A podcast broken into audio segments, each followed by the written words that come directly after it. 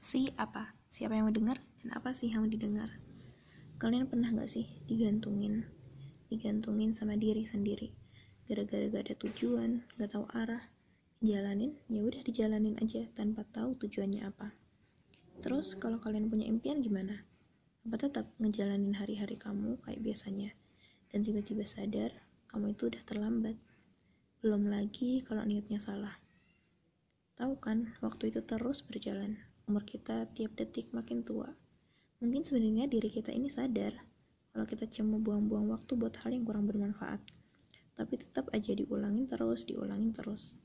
Di sini aku mau sharing, ya mungkin sebagian dari kita udah sering banget denger atau baca tips-tips gitu. Saking seringnya saya bosan terus malah malas buat ngelakuinnya. Padahal, baca sama denger tips itu percuma. Percuma kalau nggak ada action sama aja kalau kita ngelakuin tanpa gerak, ya kapan terwujudnya impian kita itu? Hal pertama yang harus dilakuin adalah benerin niat. Habis itu, tujuan kita tuh apa sih buat ngelakuin hal ini? Fokus, konsisten, sama jangan pernah puas.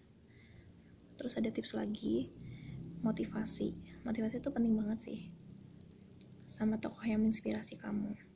Setelah kamu bekerja keras itu, jangan lupa juga buat refreshing, karena itu sangat penting. Oke, okay, syukron.